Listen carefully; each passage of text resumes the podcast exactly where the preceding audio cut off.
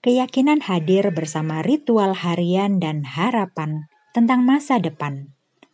Menyatu dengan yang beda, membuat diri berhadapan dengan pilihan-pilihan yang tidak pernah mudah. Jennifer dalam podcast sama Manda berkisah tentang tantangan yang dihadapi dalam pernikahan beda keyakinan.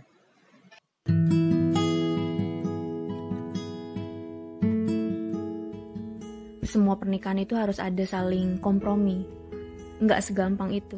Mungkin kelihatan egois. Kalau orang lain hanya melihat tapi belum pernah berada di posisi orang yang menjalani, itu pasti nggak bisa mengerti sepenuhnya gitu.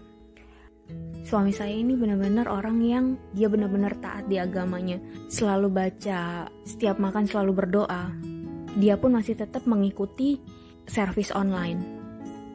Di dalam hati kecil saya, saya meyakini kalau memang agama yang saya jalani ini adalah prinsip hidup saya. Ini adalah kepercayaan saya, bukan hanya secara turun-temurun, tapi ini benar-benar saya meyakini Allah itu maha besar dia ikut NGO charity di organisasinya dia untuk menyalurkan bantuan nanti ke orang-orang yang butuh. Oh, pada awalnya waktu saya memutuskan untuk sodako, dia mau saya ikut di organisasinya dia. Ini keyakinan saya, itu keyakinannya dia. Ini bukan sesuatu yang bisa kita kompromiin, uh, saling mengalah.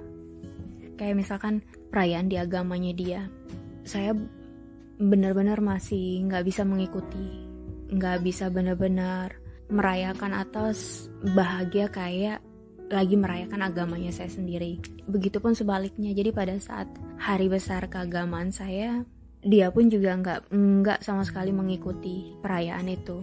Hanya sekedar makan biasa nggak masalah. Walaupun saya masak banyak untuk merayakan, itu menurut dia adalah hanya sekedar makan malam, hanya sekedar itu. Jadi bukan bukan untuk merayakan yang berhubungan sama agama itu saya berusaha untuk menghindari bikin berantem diskusi yang tadinya simple jadi makin berat saya mau mendidik anak saya untuk belajar agama saya. Dan suami saya nggak mau. Dia mau anaknya belajar keyakinannya dia. Akhirnya saya memutuskan nanti kita kasih pendidikan agamanya dia entah itu pendidikan agamanya saya dan nanti anak kami yang memutuskan kalau ada orang-orang yang saat ini lagi menjalani posisi yang sama kayak saya, keyakinan yang berbeda, belum sampai ke tahap pernikahan, pertimbangkan lebih dulu matang-matang, dibicarakan lagi ke depannya gimana nggak gampang untuk mencari uh, solusi ataupun kompromi.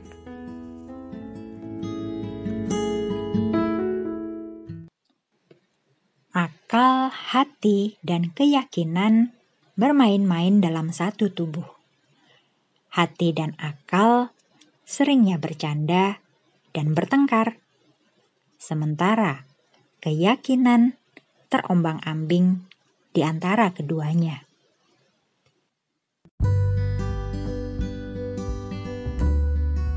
Sekali lagi terima kasih telah berbagi kisah nyata yang muncul pertama dalam benakmu tentang relasi manusia. Podcast sama Manda mengajak mengurai rasa menjadi makna.